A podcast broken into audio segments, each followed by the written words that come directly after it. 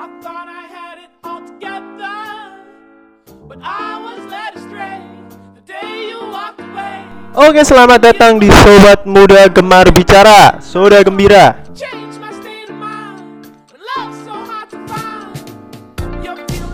Kenalin, nama aku Chris, usiaku 25 tahun dan sekarang aku sedang persiapan untuk menempuh pendidikan S2.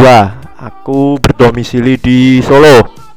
Dan sebelumnya, selamat datang buat Sobat Muda pendengar setia podcast di mana pun kalian berada. Jujur aja aku belum pernah buat pod- podcast sebelumnya, cuma pernah sek- sesekali lah nemenin teman-teman penyiar radio yang sedang siaran. Tujuan aku untuk buat podcast ini yang pertama aku pengen menyampaikan keresahan teman-teman seputar kehidupan sehari-hari mulai dari topik-topik yang ringan dan sederhana seperti kehidupan asmara sampai ke topik yang mungkin lebih sedikit jarang menjadi concern buat sobat muda ya. Contohnya eh, politik, ekonomi, sampai yang ke hal-hal yang spesifik seperti blockchain dan cryptocurrency. Nah, eh, sobat muda, dari aku sendiri aku pengen bisa berdiskusi dan mendapat sudut pandang dari kalian semua. Dengan bikin podcast ini aku rasa lebih banyak anak muda yang bisa aku dapatkan sudut pandangnya. Jadi aku lebih efektif untuk mendapat dan mendengarkan anak-anak muda secara luas nih Oke, di podcast kali ini aku bakal bahas mengenai quarter life crisis atau yang disebut eh, krisis seperempat hidup. Oke, jadi quarter life crisis ini merupakan kekhawatiran yang datang ketika seseorang memasuki usia ant- antara 25 hingga 30-an tahun dan Biasanya kekhawatiran ini muncul pada masa peralihan seorang dari tahap remaja ke tahap dewasa. Orang-orang mulai mempertanyakan tentang kehidupan dan merasa cemas tentang masa depan mereka. Oke ya. Jadi mungkin sobat muda lagi ada yang mengalami quarter life crisis dan kita bakal bahas di sini. Eh, aku akan kasih beberapa solusi yang bisa kalian pakai untuk menyelesaikan quarter life crisis atau lebih tepatnya menghadapi quarter life crisis. Oke. Sebelumnya aku bakal kasih kasus quarter life crisis yang menjadi keresahan untuk beberapa temen aku. Ada dua kasus sebetulnya. Yang kasus yang pertama aku punya seorang temen namanya Linda. Eh, ini bukan nama asli ya, aku hanya pakai nama samaran. Jadi Linda ini umurnya 25 tahun atau sekitar sebaya lah- se- sebaya lah sama aku lah. Dan dia merasakan keresahan akibat orang tuanya menekan dia untuk menikah secepatnya dan mempunyai anak sesegera mungkin. Aku sendiri kurang tahu ya background keluarga si Linda, tapi yang aku tahu Linda ini orangnya seneng banget ngejar ngejar karir. Nah, dalam artian dia lebih mementingkan kerjaan dia dibanding permasalahan jodoh.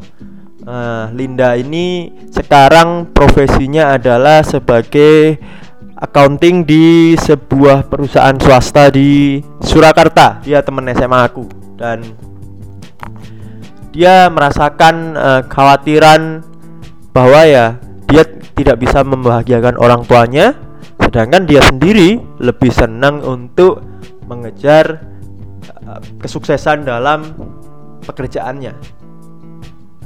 Dia bisa bahagia ketika dia punya posisi yang lebih mapan mungkin dan untuk itu dia passionate banget mementingkan karirnya dibanding jodoh atau pernikahan atau kehidupan berkeluarga.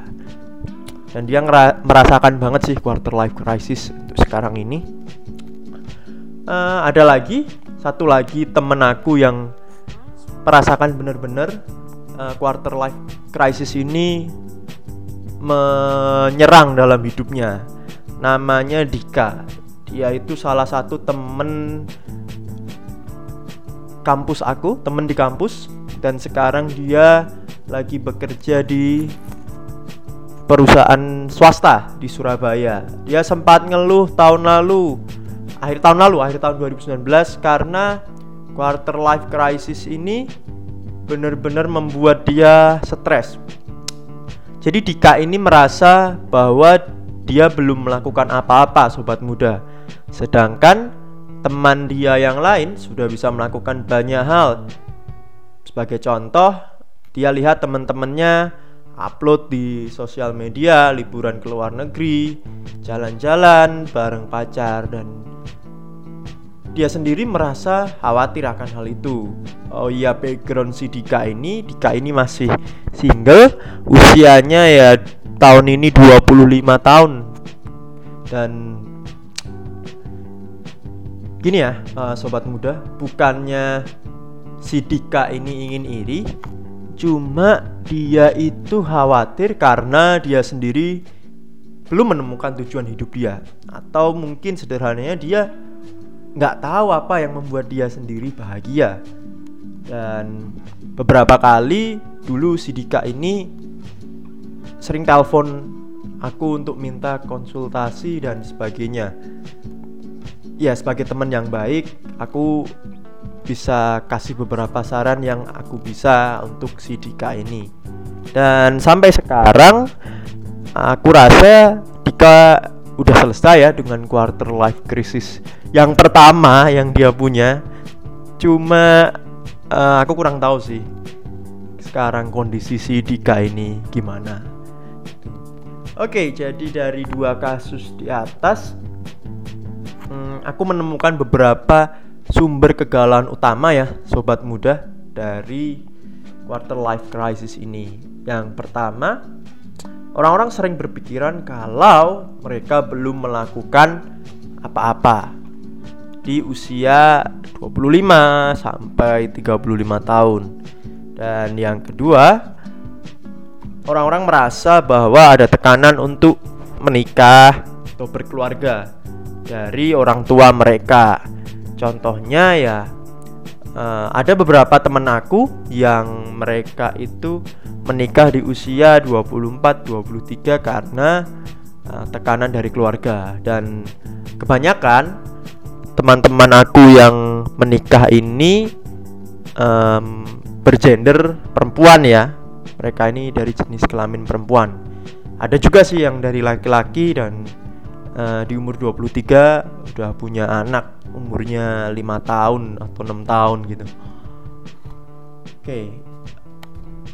Dikutip ya aku kutip suatu studi atau suatu penelitian dari gumtree.com dinyatakan bahwa aspek pernikahan memang menjadi hal yang kerap disebutkan sebagai sumber kecemasan orang-orang yang mengalami quarter life crisis.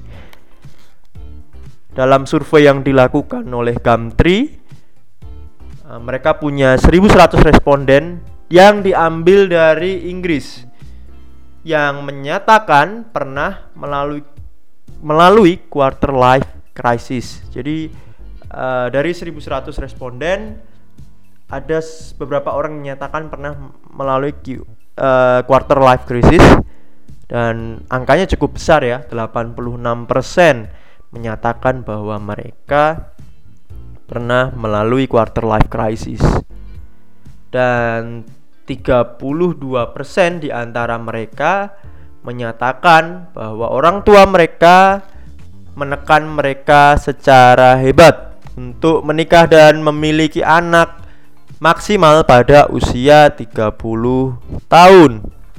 Oke, jadi orang-orang sering merasakan kegalauan dari quarter life crisis ini mungkin sebagian besar karena pernikahan ya, teman-teman ya.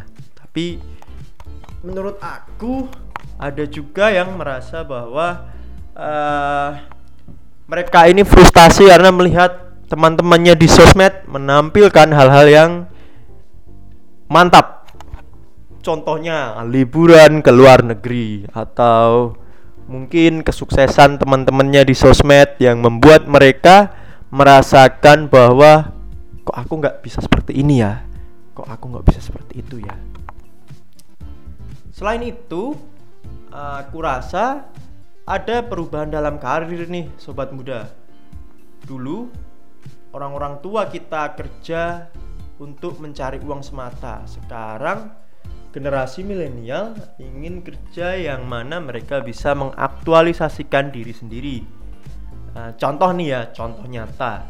Aku punya seorang temen, uh, latar belakang dia lulusan S1 yang uh, kuliah, dia kuliahnya itu di IT dan dia sekarang sudah lulus S1-nya dan dia kerja menjadi programmer di salah satu perusahaan startup tapi dia sendiri pernah ngomong ke aku kalau dia itu lebih suka kerja ngelukis. Bener nih teman-teman. Dia itu pernah dua atau tiga bulan itu sebelum dia kerja jadi programmer dia ngelukis. Dan dia ngelukisnya itu di Jakarta. Karena dia digandeng sama teman-teman dia yang pelukis yang terkenal gitulah udah cukup punya nama di Jakarta dan hal-hal seperti ini yang membuat aku berpikir bahwa mm, orang-orang hmm, di zaman sekarang ya teman-teman terutama milenial lebih mengutamakan karir untuk mengaktualisasikan diri mereka. Jadi ya bisa dikatakan ada perubahan tren dalam orang uh, tujuan orang untuk bekerja. Gitu. Dan yang terakhir sering kali orang-orang ini mendapati kegalauan mereka itu dikarenakan karena mereka membanding-bandingkan diri dengan orang lain dan merasa diri sendiri ada yang kurang benar. Oke, terus apa sih solusi yang bisa dilakukan untuk menghadapi quarter life crisis ini? Uh, dampak dari quarter life crisis ini sebetulnya banyak ya teman-teman. Uh, beberapa teman aku merasakan kehampaan dalam hidup mereka. Mereka mencari tujuan dan jati diri dan kebanyakan dari mereka mengalami depresi berat. Bahkan ada sekitar empat lah. Iya aku bisa pastikan ada empat orang teman kuliah aku yang menghubungi psikolog untuk menghadapi quarter life crisis ini. Dan mereka ya cerita dan jujur kepada aku ya teman-teman. Dan buat aku sendiri uh, aku sendiri juga sedang mengalami quarter life crisis ini teman-teman dan uh, aku akan bahas nanti oke okay? sekarang kita bakal bahas solusi untuk menghadapi quarter life crisis sobat muda yang pertama Solusi yang paling mudah untuk menghadapi quarter life crisis ini adalah stop membandingkan hidup diri sendiri dengan hidup orang lain. Perbanyak bersyukur. Nah, tahu nggak sih kamu bahwa banyak orang-orang di luar sana yang menjalani hidupnya lebih bahagia dikarenakan mereka lebih bersyukur. Oke, yang kedua, sobat muda, lakukan hal yang terbaik yang kamu bisa di pekerjaan yang kamu jalani sekarang. Kalau kamu kerja di kantoran atau kamu kerja di lapangan, aku sarankan kamu lakukan yang terbaik yang kamu bisa. Karena apa? E, rezeki sudah diatur oleh Sang Pencipta. Yang ketiga, mungkin kamu di masa lalu pernah mengalami kegagalan dalam dunia kerja atau dalam dunia wirausaha. Nah, untuk itu akui kesalahanmu dan jangan keras kepala sobat muda dan mulailah berubah. Kamu mungkin tidak bisa mengubah orang lain, tapi kamu bisa mengubah diri kamu sendiri. Berubahlah, jadilah lebih rajin lagi, dan jadilah pribadi yang benar-benar mengerjakan segala sesuatu dengan sebaik-baiknya, sobat muda. Yang keempat, pergi ke komunitas atau circle yang bisa buat kamu maju dan uh, buang jauh-jauh orang-orang yang menjadi teracun dalam hidupmu. Atau kalau kita sekarang sering dengar toxic ya sobat muda. Jadi komunitas ini penting banget sobat muda. Dan jujur aku sendiri pernah mengalami kegagalan di tahun lalu. Aku pernah gagal untuk membuat suatu usaha, sobat muda, yang dikarenakan karena kesalahanku sendiri terlalu uh, mempercayai orang yang seharusnya tidak bisa aku percaya. Dan aku bersyukur banget ada komunitas dari teman-teman aku di kuliah yang mereka itu bisa buat aku untuk cepat pulih lagi dan bisa buat aku bangkit lagi untuk memulai awal yang baru teman-teman. Nah, di situ sebenarnya apakah ada orang-orang yang toksik dalam hidup aku?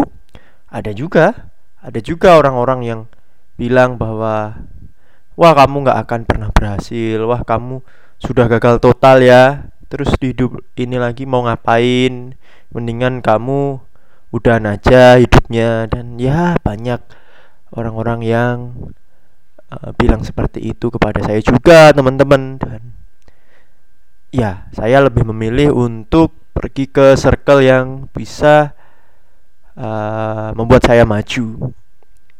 Oke solusi lanjut ke solusi berikutnya sobat muda.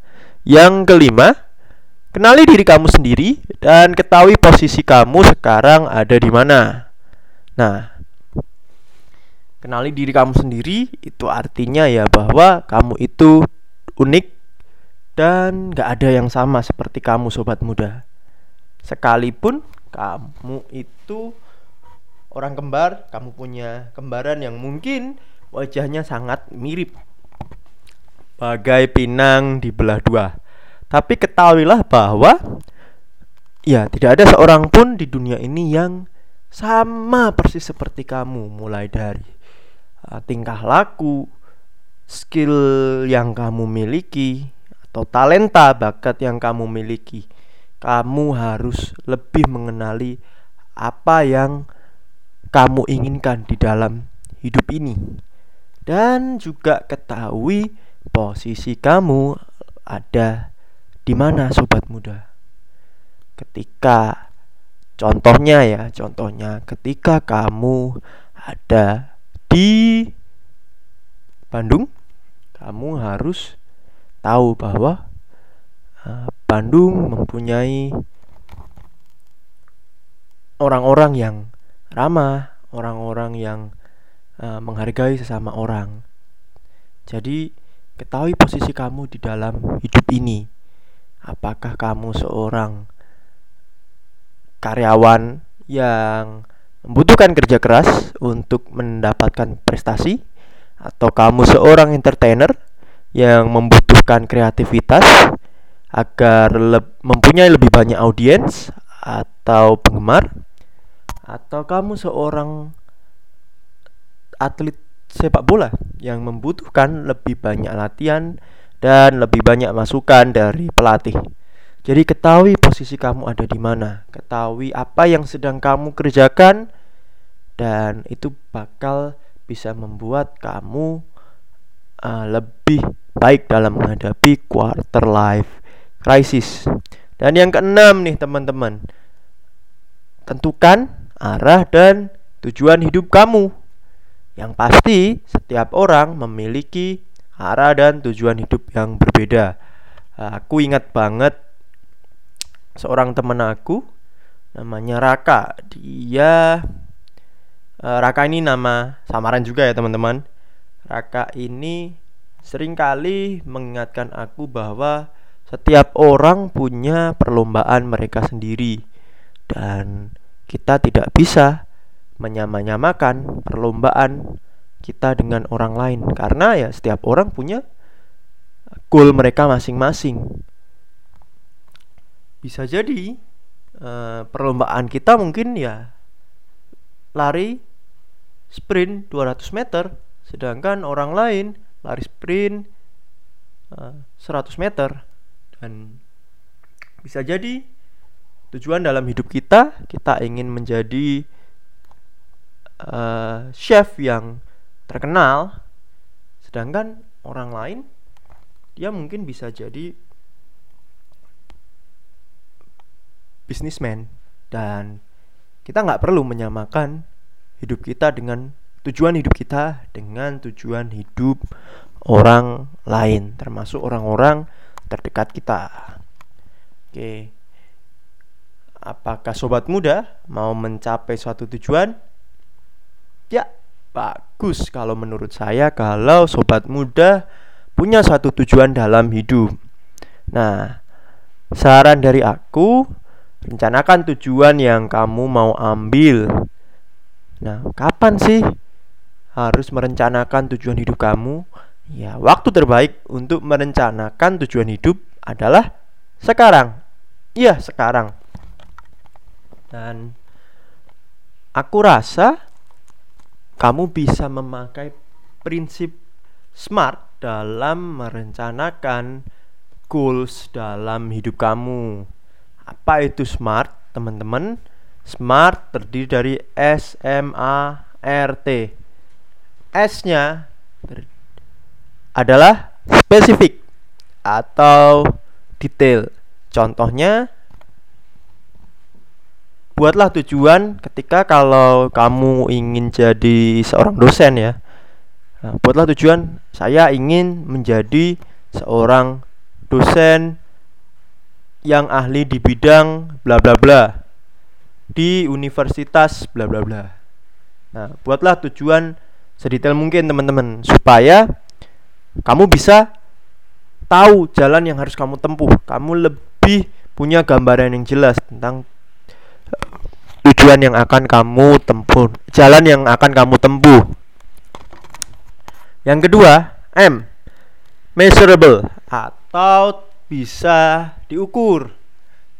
Nah, contohnya nih ya, contohnya saya ingin menjadi bisnismen yang punya uh, tiga cabang restoran di kota ABC. Nah, itu tuh menurut aku ya teman-teman measurable sekali.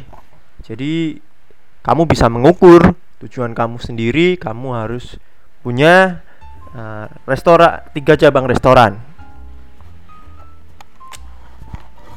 dan selanjutnya kita akan bahas huruf A dari smart A itu adalah achievable atau dapat direalisasikan sederhananya kamu punya resource apa entah itu kenalan atau modal atau pengetahuan dan kamu bisa pakai itu untuk mencapai tujuan kamu. Nah, misalkan ada teman saya, dia merupakan lulusan dari sastra Inggris di suatu kampus di Solo. Dan dia itu punya uh, kenalan orang-orang yang guru-guru Inggris yang hebat di lembaga les-lesan Inggris yang terkenal, cukup terkenal di Solo.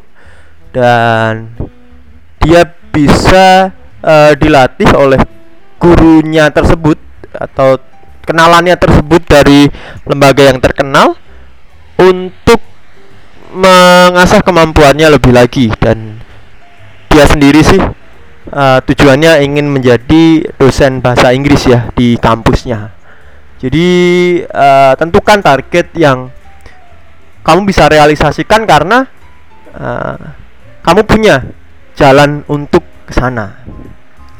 Selain itu, uh, tentukan tujuan yang relevan dengan apa yang kamu jalani. Jadi kamu harus punya tujuan yang sesuai dengan apa yang sedang kamu kerjakan sekarang. Misalkan kamu sedang fokus mengerjakan bidang X, tapi tujuan kamu ada di bidang Y. Ya, bukannya tidak memungkinkan untuk mencapai ke sana, tapi kamu bakalan susah banget kalau apa yang kamu jalani sekarang tidak relevan dengan bidang Y yang mau kamu tempuh. Dan yang terakhir adalah huruf T. T artinya T kepanjangannya adalah time bound atau semua tujuan kamu tadi harus dibatasi waktu. Nah, sobat muda, kamu harus punya deadline nih. Misalkan kamu mau jadi chef yang jago masakan Itali sebelum umur 27 tahun. Nah, karena kalau tidak seperti itu ya jatuhnya bakalan jadi wacana deh seumur hidup. Oke, kalau dari aku sendiri, aku punya tujuan dengan metode smart ini dan akan kubahas mungkin di lain kesempatan ya teman-teman. Dan aku percaya krisis quarter life ini akan segera bisa aku lalui dan teman-teman sobat muda pun bisa segera laluinya dan krisis ini akan segera berakhir dan itu bisa mengingatkan kepada kita bahwa nggak ada sesuatu yang permanen dan abadi di dunia ini teman-teman so buat sobat muda yang masih kebingungan atau bahkan stres mengenai quarter life crisis jangan khawatir kamu nggak sendiri teman-teman kamu pasti bisa melalui quarter life crisis ini dan hal ini tentu akan membuat kamu lebih kuat lagi dalam menghadapi krisis-krisis lain dalam kehidupan yang mungkin lebih besar. Sampai jumpa di podcast Soda Gembira selanjutnya. Bye bye.